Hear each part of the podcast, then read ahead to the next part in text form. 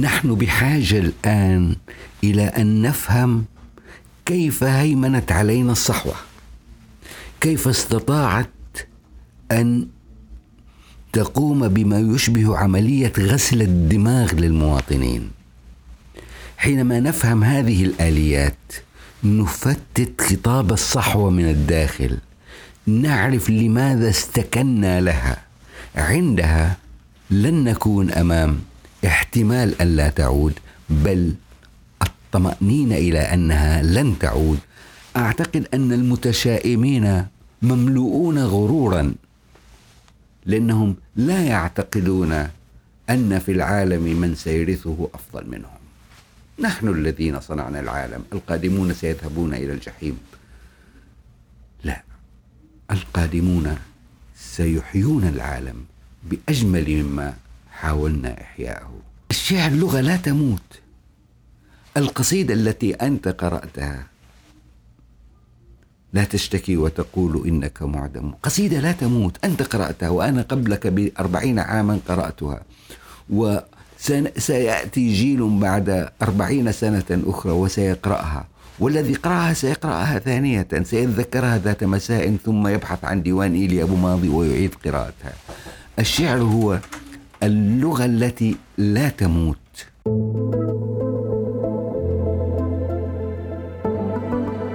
تستمعون إلى بودكاست مسابقة أقرأ إحدى مبادرات مركز الملك عبد العزيز الثقافي العالمي إثراء وللاطلاع على تفاصيل المسابقة والاستماع إلى باقي الحلقات بالإضافة إلى توصيات الكتب السبعة لضيوفنا في آخر كل حلقة. زوروا موقعنا www.ireadaward.com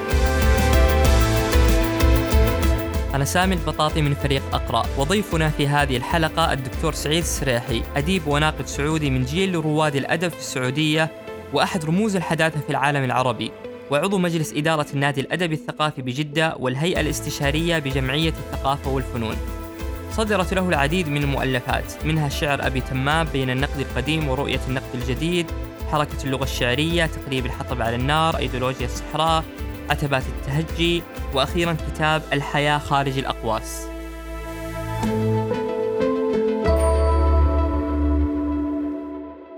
آه لما أخبروني الشباب بأنك كنت تحتسي آه قهوتك وكنت وقتها وأنا أقلب صفحات كتابك وقعت على عبارة قلت فيها على لسان عيسى يا صديقي اختصر عمرك في رشفة فنجان القهوة وعندها ستجد أنك قد جمعت فيها الأبد.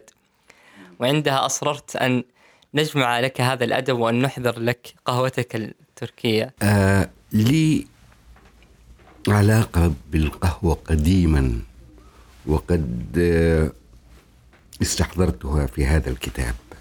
كنت طفلا أشاغب والدتي وكنت وحيدها لتمنحني فنجان قهوة.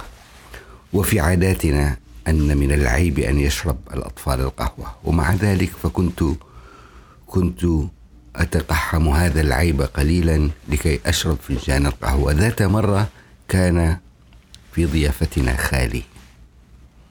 ولاحظ أنني أقترب من القهوة وتنهرني والدتي. قال لها يا عرفة عرفة اسم والدتي. يا عرفة أعطي قهوة تراها تفتح الذهن.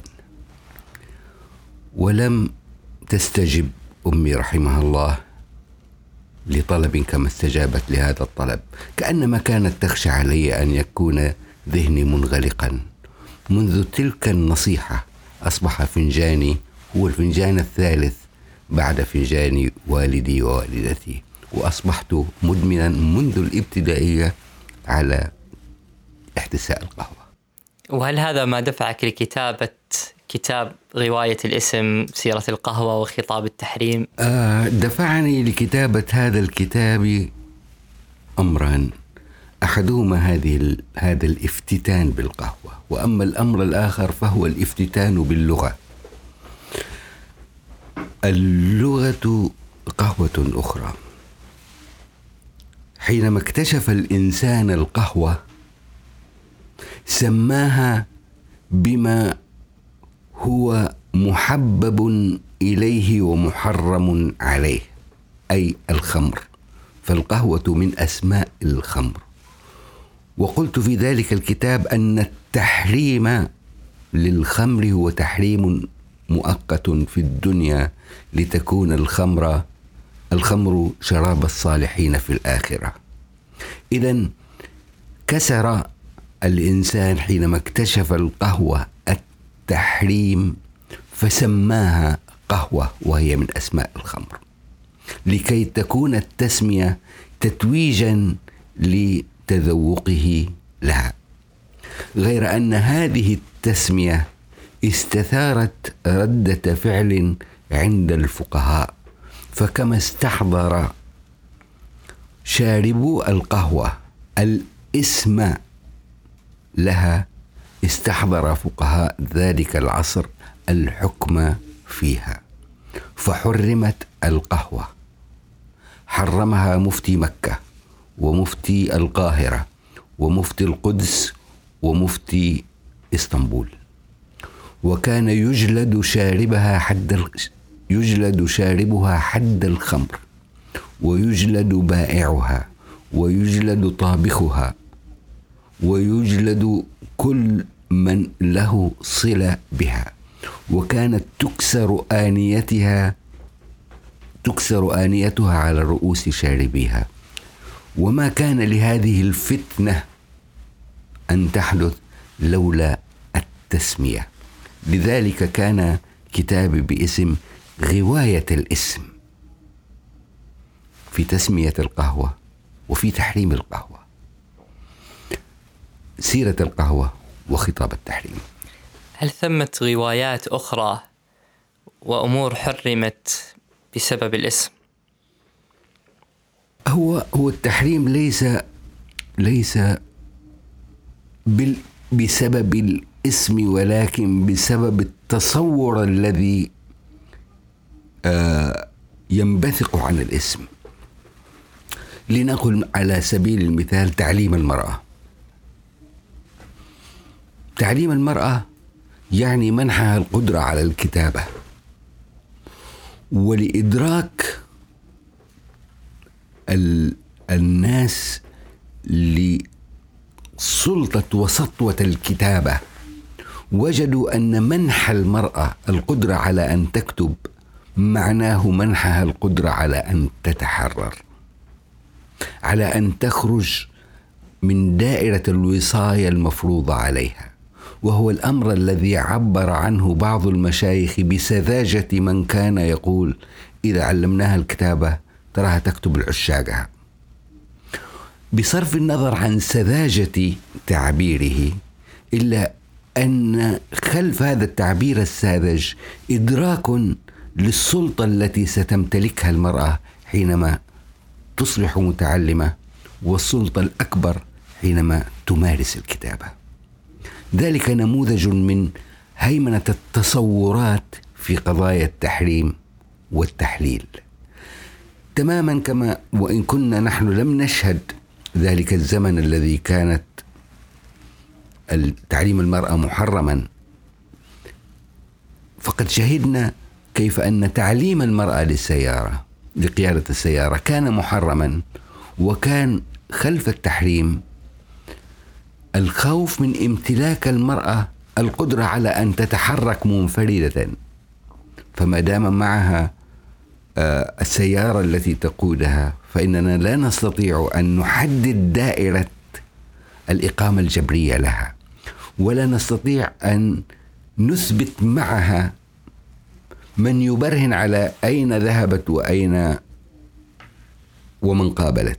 حتى وإن كان هذا سائق أجنبي لكن ثمة طمأنينة أن ثمة رجل أن ثمة رجلا ذكرا معها. هذه فكرة وجود السائق. هو شاهد يتوهمون أن المرأة حتى وإن فكرت في شيء فستخشى من هذا الشاهد. لذلك هم يتقبلون وجود الرجل الأجنبي مع المرأة كسائق ولم يكونوا يتقبلوا يتقبلون انفرادها بقيادة السيارة. إذا قضايا التحريم والتحليل مرتبطة بالتصورات. التصورات المنبثقة عن التسمية أو المنبثقة عن القدرة التي يمكن أن يمتلكها أو أن آه، يتمكن بها الطرف الآخر. الذي يراد من الفتاوي أن تكون أداة لإخضاعه والهيمنة عليه. على سبيل المثال كنموذج ثالث تحريم السفر إلى الخارج. لا يسافر إلا لمرض أو لعلم لا ي... هناك خطابات تحريم للسفر للخارج. لأنهم يعرفون أن السفر إلى الخارج سيمكن الإنسان من تصور الحياة التي يحياها العالم من حوله. بينما لو بقي محصورا داخل القطر الذي يحيا فيه لما كان لديه تصور كيف يحيا الآخرون. لذلك المعرفة بالكيفية التي تحياها الأمم المتقدمة حافز على رفض أن يحيا الإنسان دون هذا المستوى لذلك كان خطاب التحريم هنا هو خطاب آه، يكرس سلطة الرقابة وسلطة الهيمنة وإبطال الآليات التي يمكن أن أن تمنح المجتمع الحق في المطالبة أو التغيير أو المساواة بغيرهم من الأمم. وفي مثل هذه القضايا يتضافر الثقافي، السياسي، الاجتماعي، الديني لكي يشكل آلية من آليات هيمنة الخطابات على المجتمع كما شهدنا في زمن الصحوة الذي امتد أكثر من ثلاثين عاما. وبعض هذه القضايا ناقشتموها في مقالات لكم مؤخرا طرحت. هل تجد إعادة فتح هذه القضايا اشترارا لزمن من المفترض ألا نعود إليه؟ سأبدأ إجابتي بما ختمت به سؤالك. من المفترض أن لا نعود إليه. نحن إذا افترضنا أن لا نعود إليه فنحن أمام فرضية فرضية أخرى تقابلها وهو افتراض أن نعود إليه. نحن ندرك جميعا أن خروجنا من الصحوة تم بقرار سياسي تم بإرادة ولي العهد. سندمرهم الآن. لن نضيع ثلاثين سنة من عمرنا. أخرجنا من الصحوة ليس الوعي الاجتماعي ليس الرفض الاجتماعي. كان هناك رفض ولكنه رفض الخائف. رفض المواطن الذي أصبح يمارس حياة في بيته وحياة في الشارع. رفض المجتمع المزدوج الهوية المجتمع الذي لا نريد أن نصفه بالنفاق ولكنه واقع فيما يشبه النفاق. المجتمع الذي يعبر أمام الناس بشيء ويمارس شيء آخر يتحدث عن الحرية ويقمع أهل بيته. اذا هذا هو وضعنا نحن في مواجهة الصحوة كمجتمع. خروجنا كان بقرار سيادي. قال لهم كفى وأسكتهم. نحن بحاجة الآن إلى أن نفهم كيف هيمنت علينا الصحوة. كيف استطاعت أن تقوم بما يشبه عملية غسل الدماغ للمواطنين. حينما نفهم هذه الآليات نفتت خطاب الصحوة من الداخل. نعرف لماذا استكنا لها.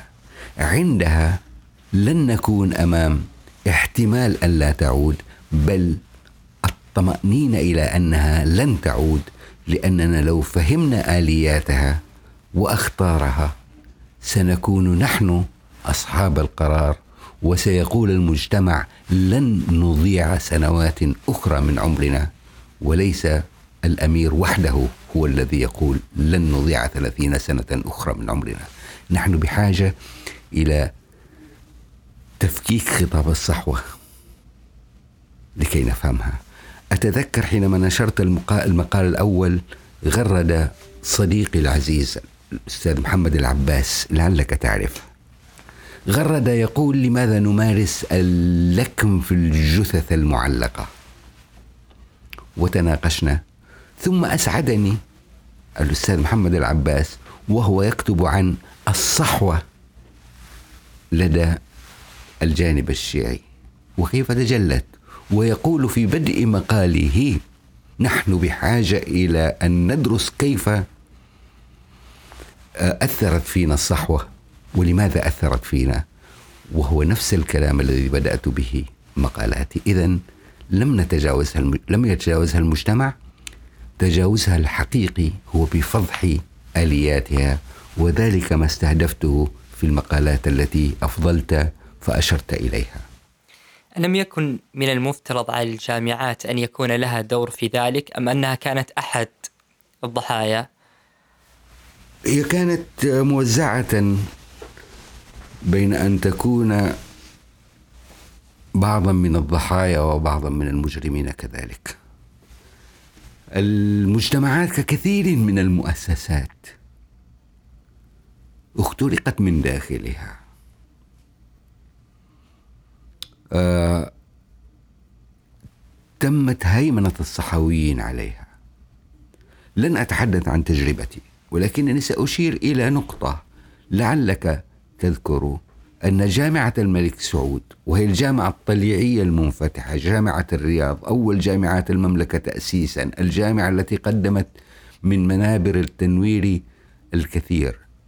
حينما هيمنت الصفحة الصحوة كانت تستضيف في أنشطتها الصيفية دعاة من جامعة أخرى مجاورة. وشعراء من تلك الجامعة الأخرى التي كانت آه، تقع تحت هيمنة الصحوة نحن لا نستغرب أن تهيمن الصفحة على الصحوة على تلك الجامعة الأخرى ولكن الاستغراب أن جامعة الرياض كانت تستضيف رموز الصحوة الفاعلين في الجامعات الأخرى. إذا الجامعات لم يكن لها أي دور في مواجهة الصحوة كانت مخترقة مخترقة آه بالصحويين وحينما أتحدث عن الجامعات فإنني لا أتحدث عن بعض أساتذة الجامعات الذي كانوا فاعلين. إذا هناك دور للأستاذ الجامعي خارج الجامعة. أتحدث عن الجامعة كمؤسسة. وأقول أنها كانت مخترقة. أنا أعتقد أن المؤسسات الوحيدة التي لم تتمكن الصحوة من اختراقها هي المؤسسات الإعلامية الصحافة. لم تكن الصحف في المملكة منبرا للصحويين كما كانت المساجد كما كانت حلقات تحفيظ القرآن كما كانت المخيمات الصيفية كما كانت فعاليات الجامعات الأنشطة اللاصفية الأنشطة الصيفية.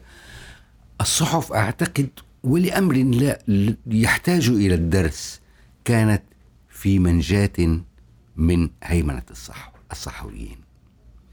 وكان وكانت وكان ظهورهم فيها لا يتجاوز بعض المقالات أحيانا أو بعض الأخبار ولكنها ظلت بكادرها بتوجهاتها آه، مبرأة إلى حد كبير من الصحوة.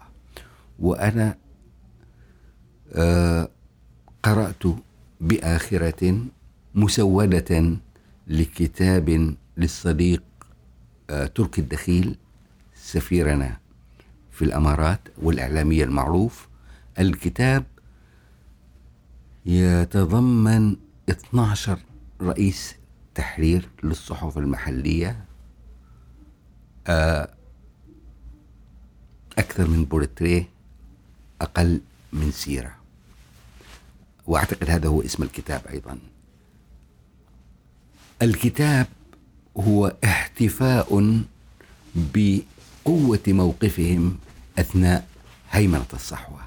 لم يخضع للصحويين تركي السديري ولا هاشم عبد هاشم ولا عثمان الصيني ولا جنان ولا المالك ولا الوعيل ولا كانوا احتفظوا لمؤسساتهم بصفتها كمنبر للتنوير.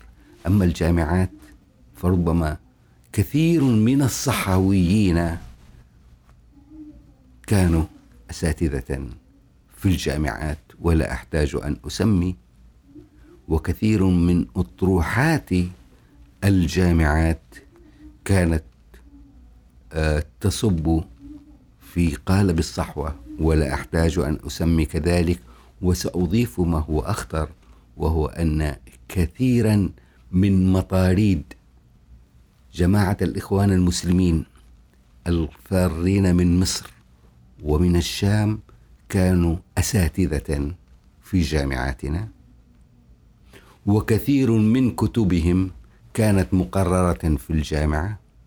ولعلنا نعجب كثيرا كيف كانت كتب سيد قطب وأبو الأعلى المودودي تطبع على نفقة وزارة المعارف وتوزع مجانا على الطلاب.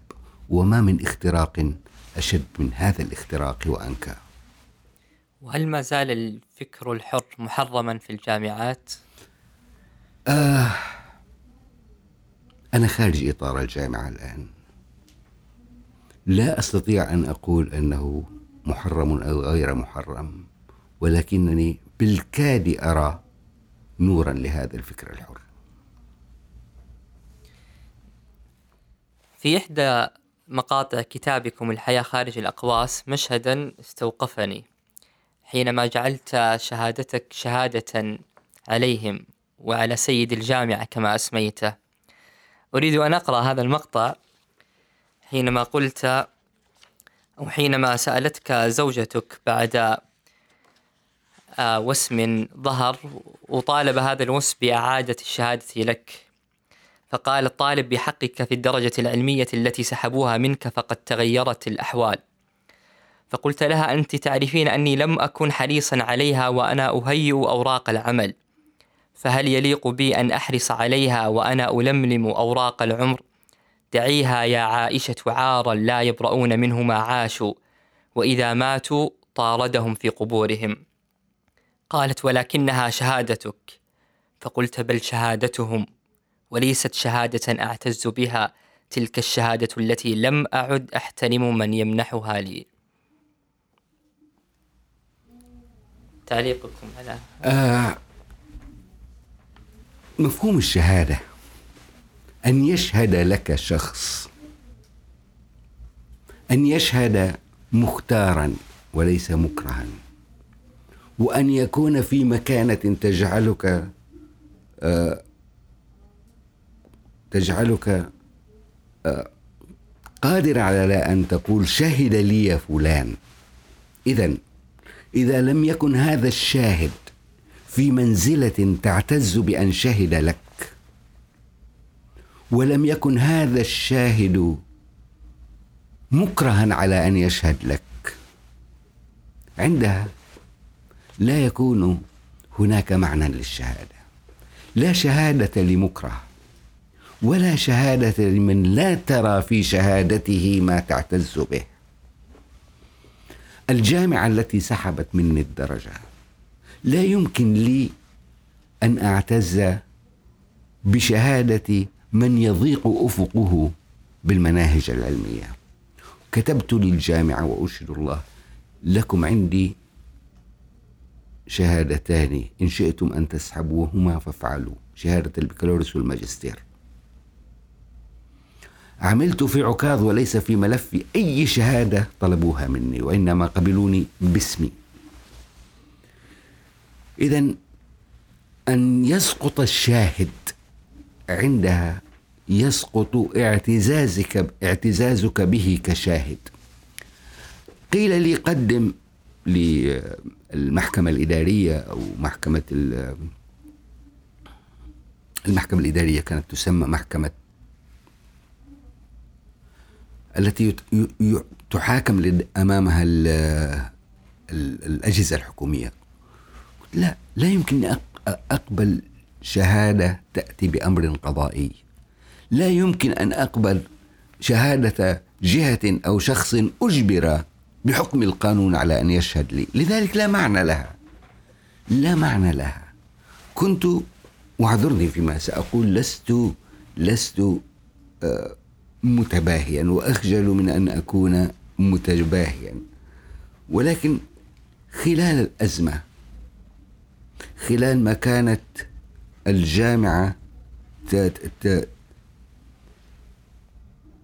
تتبادل أوراقي بين أقسامها ولجانها وشهودها وحكامها وقضاتها و خلال ذلك كنت أحاضر في القاهرة وفي عمان وفي عمان وفي بغداد. في نفس السنة التي كانت الجامعة وهي السنة الفاصلة بين المناقشة ومنح الدرجة وحفل التخرج وإشعاري بإلغاء الدرجة. في تلك الفترة كنت عضو اللجنة العليا لجائزة صدام حسين. كنت أشعر إن, أن أي تراجع لي أمام الجامعة الآن يعني إهدار كل ما أملكه خارج الجامعة. ماذا تعني لي الجامعة عندئذ أن أصبح مدرسا في الجامعة. جنة من حرمل كما قلت في الكتاب. ليست ليست رأس المال. يقول بعض الأصدقاء أنني كنت أنني ضحيت. ليست هناك تضحية. لم تكن الجامعة هي المكان الذي أضحي من أجله. كانت الساحة الثقافية هي التي تستحق أن أضحي من أجلها بالجامعة بشهادة الجامعة. على ذكر الجامعات عندكم فكرة كنا قد ناقشناها بالأمس في حال الجامعات قديما حينما كانت هناك جامعات رئيسية تمثل مفهوم الوطن الواحد. لو فقط تذكر رأيك. ال ال ما, ما, ما تحدثت به معكم أمس حينما قلت أن المملكة كانت لديها جامعات في ثلاث مدن جدة الرياض المنطقة الشرقية. وكان على من ينتهون وبعض الكليات في مدن أخرى. وكان على من ين من يفرغ من دراسة المرحلة الثانوية أن يتجهوا لواحدة من هذه المدن بحيث أصبحت هذه المدن حاضنة لشباب يأتون من مختلف مناطق المملكة. كانت هذه المدن هذه الجامعات هي النموذج المصغر لتكامل الوطن. في هذه المدن يتعارف القادم من أبها على القادم من تبوك على المقيم في جدة أو مكة أو في الرياض.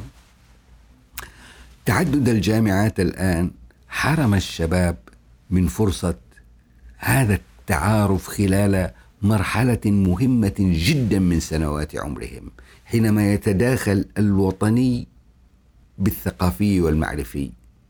أصبح الشباب يدرسون في مدنهم التعليم العام وجامعاتهم ويتوظفون ثم لا يغادر أحدهم منطقته إلى منطقة أخرى إلا سائحا.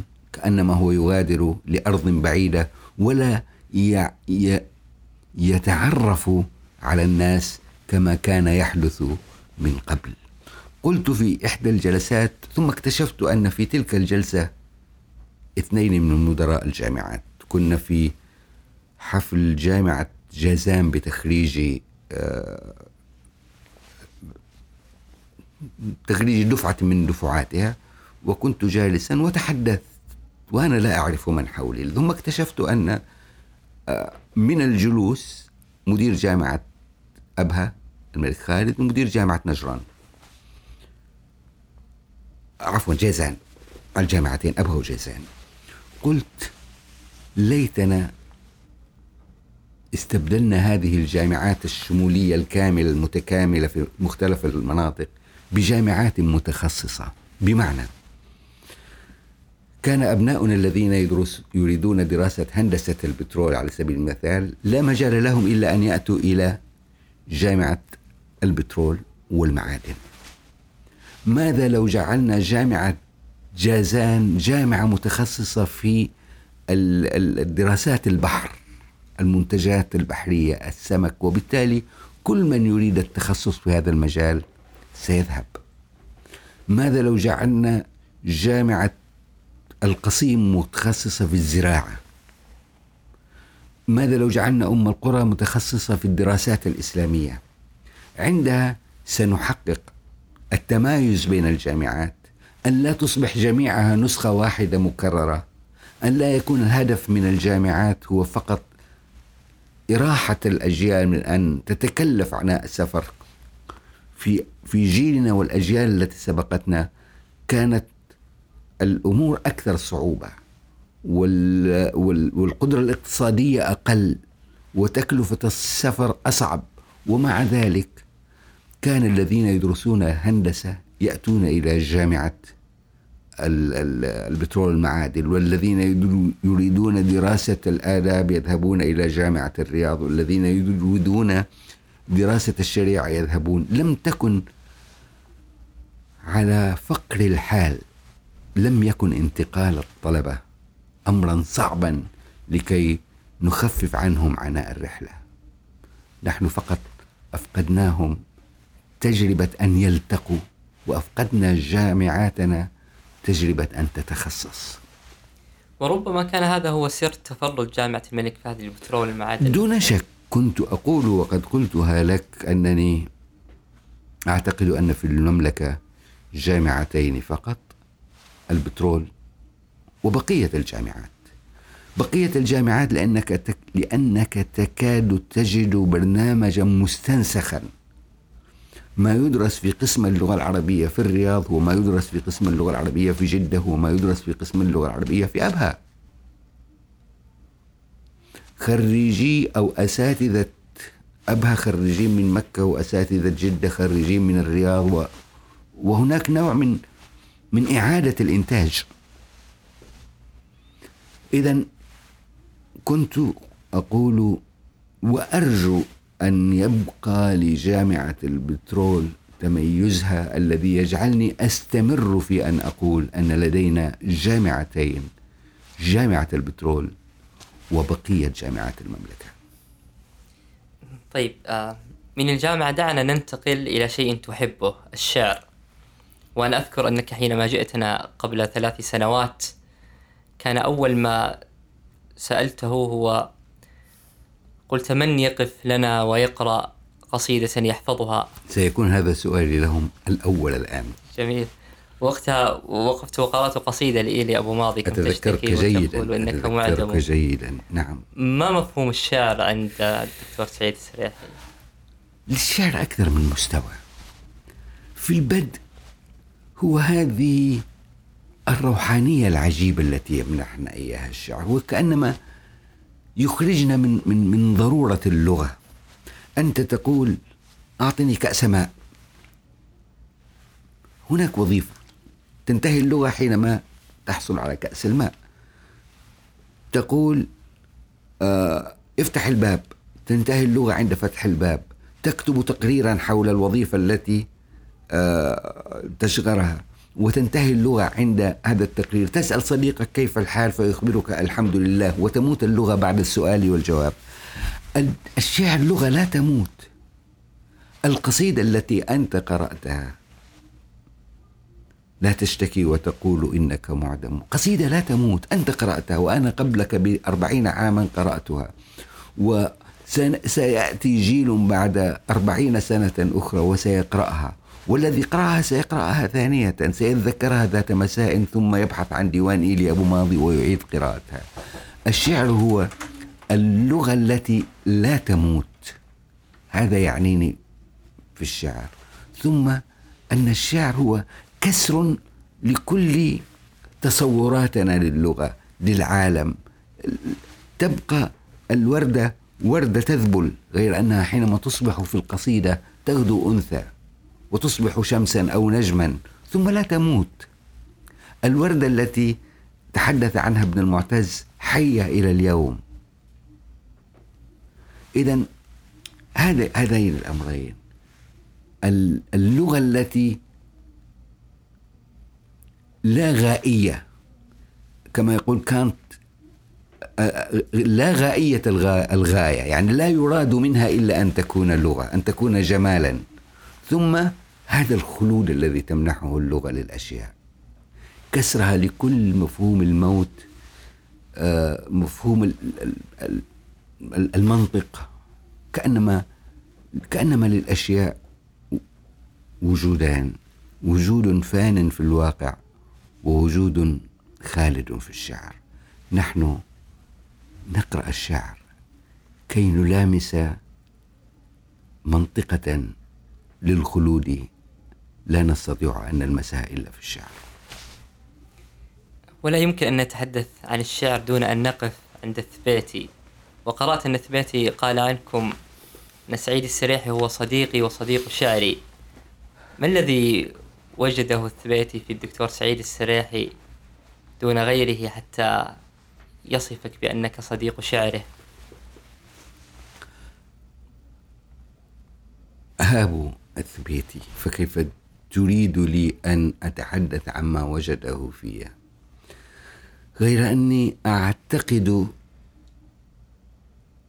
أنه وجد في هذا الولع باللغة هذا الفتنة بالشعر. أما أنا فوجدت في الثبيت الشاعر الذي كنت أتمنى أن أموت وأصبح مثله. الشاعر الذي أقايض كل حرف كتبته بقصيدة الله. قلت صادقا وما زلت إني أستحي أن أكتب شعرا في زمن كتب فيه الثبيت التضاريس. يقول لي بعض الأصدقاء لما لا تجمع شعرك؟ وأنا أكتب شعرا إذ كنت طالبا. لما لا تجمع شعرك؟ قلت لهم شعري هو فقط متنفس لي لكن تريدون أن أجمع شعري في ديوان؟ من يغفر لي لو وضع ديواني على ديوان على رف واحد مع ديوان التضاريس؟ وجد في التبيتي ما لا أعرف. ولكني وجدت فيه الشاعر الذي حلمت ذات يوم أن أكون. لكن شعركم يظهر في نثركم وهذا وجدته كثيرا من خلال كتابكم الأخير الحياة خارج الأقواس.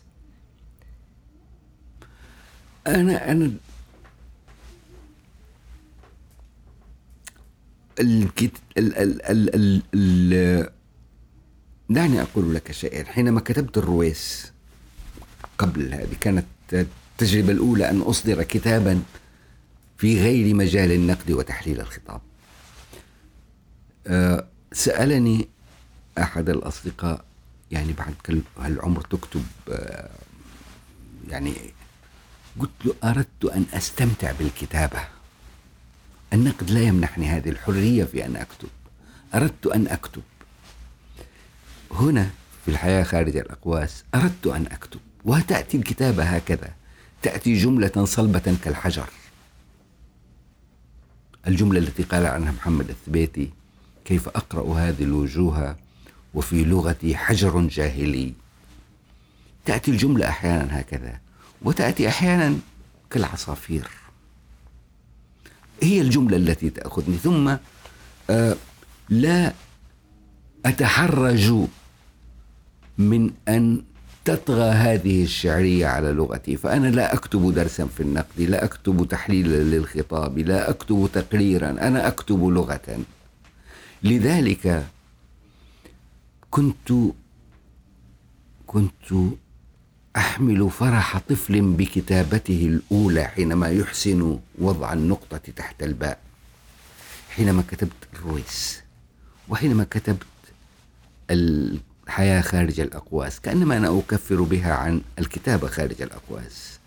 وكم أنا متشوق الآن وذلك التشوق لا أعهده في بقية كتبي أدفع بها للناشر ثم لا أسأل متى ستصدر. متشوق الآن لكي آه، أرى كتابي ذباب الوقت عن تجربة الحجر. وكأنما هو كتابي الأول. لأني كنت مخلصا فيه للغة سيدتي الجميلة هذه اللغة. ما هو فريد في هذه الرواية؟ أنكم أضفتم فيها إلى عمركم سنوات وفصلت فيها سعيد السريحي عن سعيد السريحي قبل أن تكتب عن نفسك. تقف وراء هذا الأمر فلسفة في رؤية الذات. أعتقد أن الوهم يجعلنا نتوقع أن لكل واحد منا ذاتا مستقلة. بالنسبة لي الذات هي نقطة تقاطع بين ذوات مختلفة. تبدأ من أجدادك السالفين وما نقله آباؤك عنهم وما يحيط بهم أيضا من قصص تنتمي للمجتمع الذي عاشوا فيه. هذا هذا النبض الذي يسري في عروقك عن من آبائك الأولين وأنت لا تعرف كيف.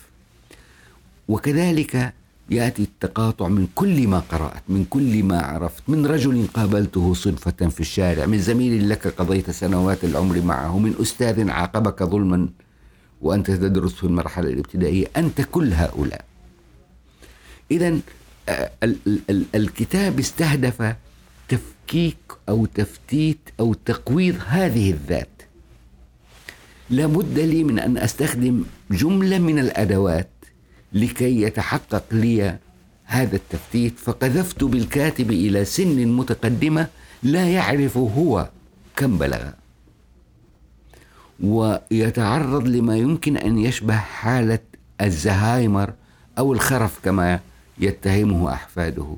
فكرة الخرف هو تحرير للعقل الذي يجعلنا نتصور الذات بهذا الشكل المستقل. اذا أحد هذه الآليات هو أن أقوض العقل بقذف الكاتب إلى سن متقدمة ولذلك تجانست معها صورة الغلاف الذي قمت بتصميمه آه، بتقديم السن إلى هذه المرحلة. إذا لكي أخرج من دائرة العقل المهيمن قذفت به إلى سنوات متقدمة. ثم استعدت الطفولة قبل تبلور مفهوم الذات وهيمنة العقل.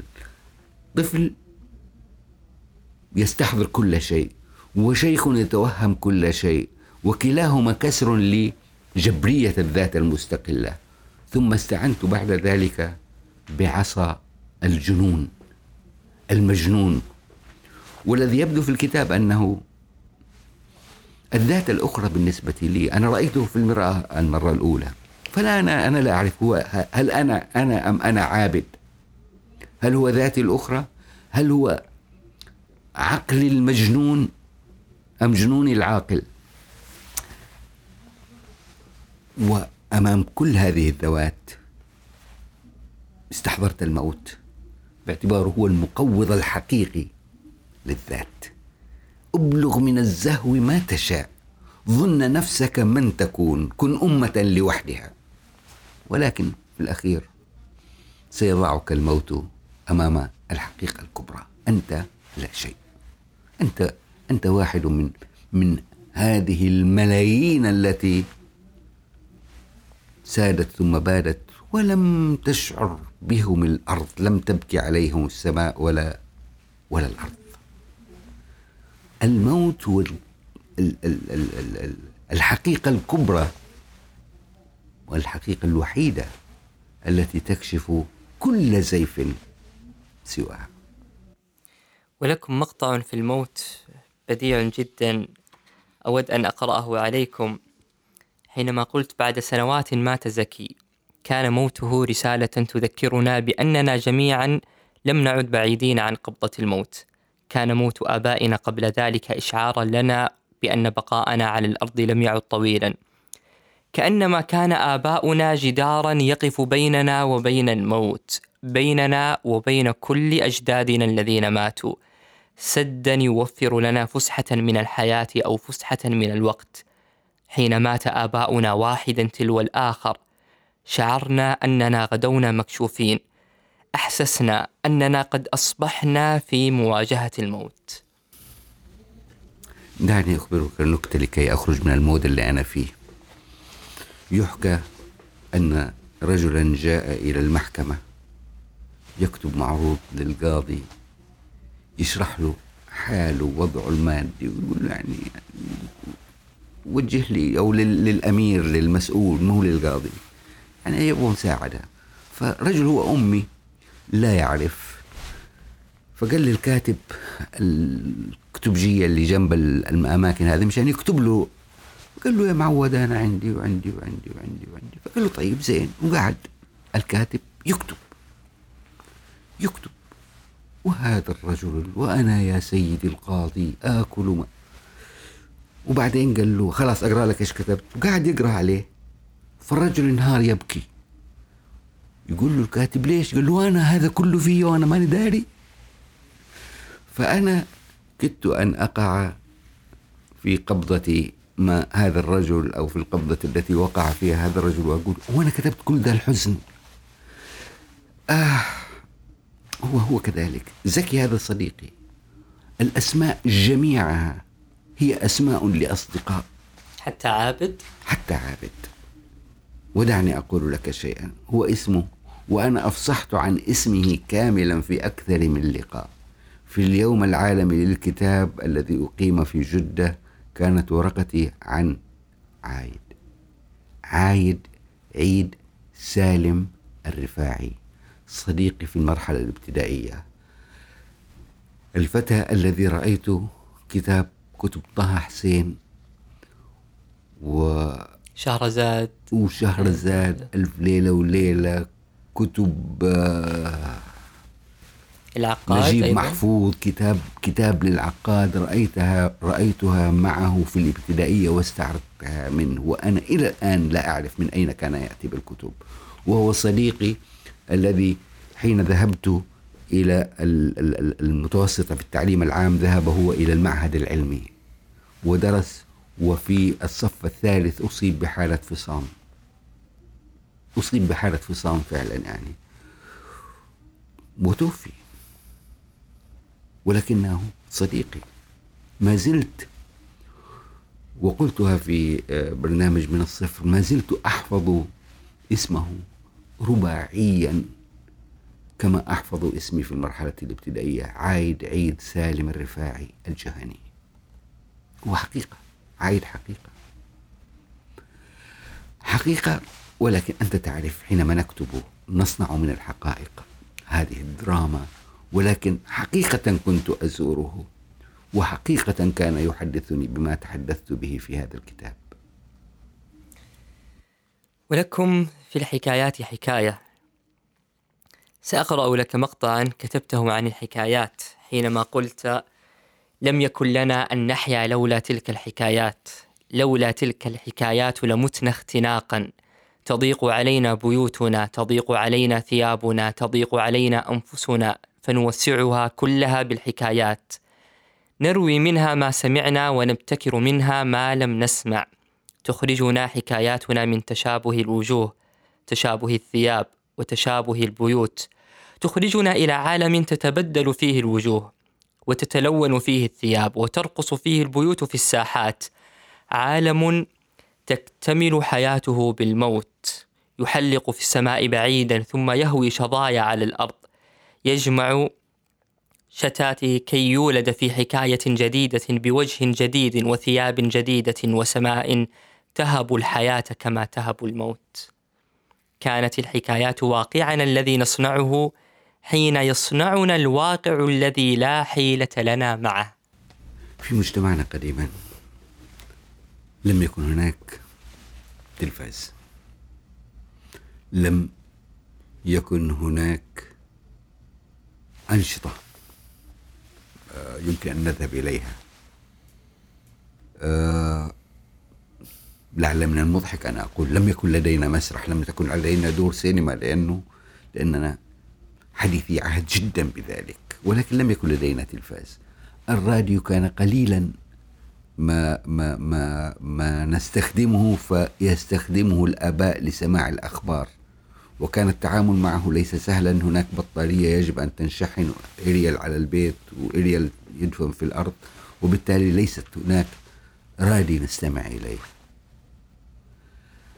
لم يكن بموسوع الأسر التي ننتمي إليها أن تسافر إلى أي مكان. أنا لم أعرف أن هناك منطقة يمكن أن يقضى فيها الصيف اسمها الطائف إلا وأنا في المرحلة الثانوية. إذا ما الذي يخرجنا من كل هذا الضيق؟ كيف نخرج من الأرض الضيقة؟ القراءة والاستماع للحكايات. كان جزءا من طقوس اليوم أن نصغي إلى كبار السن. حينما يتحدثون جدتي التي احتفيت بها في الكتاب حينما تروي لي قصص الأولين أمي أبي. آه، أبي وهو يروي لي قصص أجدادنا القتل المقتولين جدتي وهي تروي ضحايا البحر وال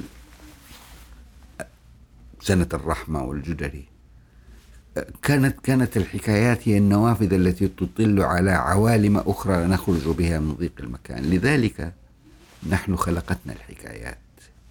وحينما أردنا أن نرد الجميل بدأنا نخلق حكايات أخرى لعل منها الحياة خارج الأقواس. جميل. آه، دكتور سعيد هل أنت متفائل بالمستقبل؟ تماما. تماما. لا يستحق الحياة من يتشائم المستقبل؟ كيف يمكن لي أن أتشائم معناها معناها أنني أسحب الثقة في أبنائي وأحفادي في هذا الجيل الذي تحدثت إليه بالأمس وسأتحدث إليه الآن. أعتقد أن المتشائمين مملوءون غرورا لأنهم لا يعتقدون أن في العالم من سيرثه أفضل منهم. نحن الذين صنعنا العالم القادمون سيذهبون إلى الجحيم. لا القادمون سيحيون العالم بأجمل مما حاولنا إحياءه. والبشرية ستتقدم رضي بعضهم أم غضب. لست مغرورا لكي أتشائم بل أؤكد من سيصنعون المستقبل هم خير منا ولذلك سيكون المستقبل خيرا من حاضرنا. عادة ما نسأل ضيوفنا في آخر كل حلقة تحت اسم التوصيات السبع أن يوصون بسبع توصيات لكتب أو روايات أو أي توصيات عامة. لا لا أريد أن أحدد ولكن أريد أن أقول أنه آه وأعتقد أنني سأحدث بها الشباب الآن. اقرأ ما يجعلك أصيلا في الثقافة التي تنتمي إليها. جميل أن تقرأ هايدغر أن تقرأ سارتر أن تقرأ كامو ولكن لا يليق بك أن تقرأهم وأنت لم تقرأ الجاحظ والتوحيد وابن المقفع. أصل نفسك في اقرأ في ثقافتك ما هو مهمش فيها. لا تتوقف عند التيارات العامة. اقرأ بوعي من آه بوعي من لا يثق في كل ما قرأه. اقرأ وكأنك وكأنك أعلم ممن كتب. اكتشف الثغرات. اقرأ بروح ناقدة ثم اكتب. اكتب ما تشاء. واحذر النشر. إلا حينما تشعر أنك قادر على أن تضيف شيئا. كتاب واحد. يصنع معرفة خير من عشرة كتب لا تشكل إلا قبورا وشواهد قبول للمعرفة. إذا القراءة والكتابة لا أستطيع أن أن أن أتحدث غير عن غير ذلك فأنا بالكاد أحسن القراءة وبالكاد أحسن الكتابة وبهذه الوصية وهذا التواضع منكم هو خير ما نختم به هذه الحلقة. أنا استمتعت كثيرا بكتبكم التي قرأتها وكذلك بهذا اللقاء الماتع وباللقاء الذي سيعقب هذه حياك الحلقة. الله. حياك الله. فشكرا لك دكتور سعيد على وقتك وعلى حضورك. الله شرفتنا كثيرا. الله يحفظكم. الله يحفظك شاكر ومقدر. بارك الله كنتم تستمعون إلى بودكاست مسابقة أقرأ إحدى مبادرات مركز الملك عبد العزيز الثقافي العالمي إثراء وللاطلاع على تفاصيل المسابقة والاستماع إلى باقي الحلقات. بالإضافة إلى توصيات الكتب السبعة لضيوفنا في آخر كل حلقة زوروا موقعنا www.ireadaward.com وشاركوا الحلقة لأصدقائكم. كما نرحب بآرائكم وتوصياتكم السبع على هاشتاج مسابقة أقرأ.